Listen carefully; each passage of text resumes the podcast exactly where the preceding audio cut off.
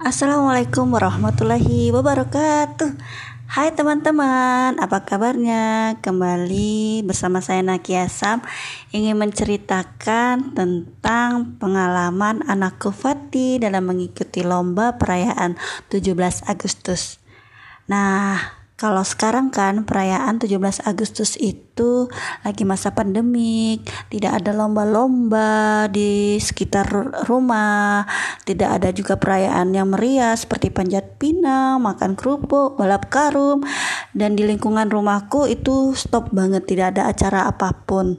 Memang sih di sekolah ada lomba eh, hafalan Quran, doa dan hadis, tapi Fatinya belum mau ikut. Katanya pengennya yang main futsal. Nah aku jadi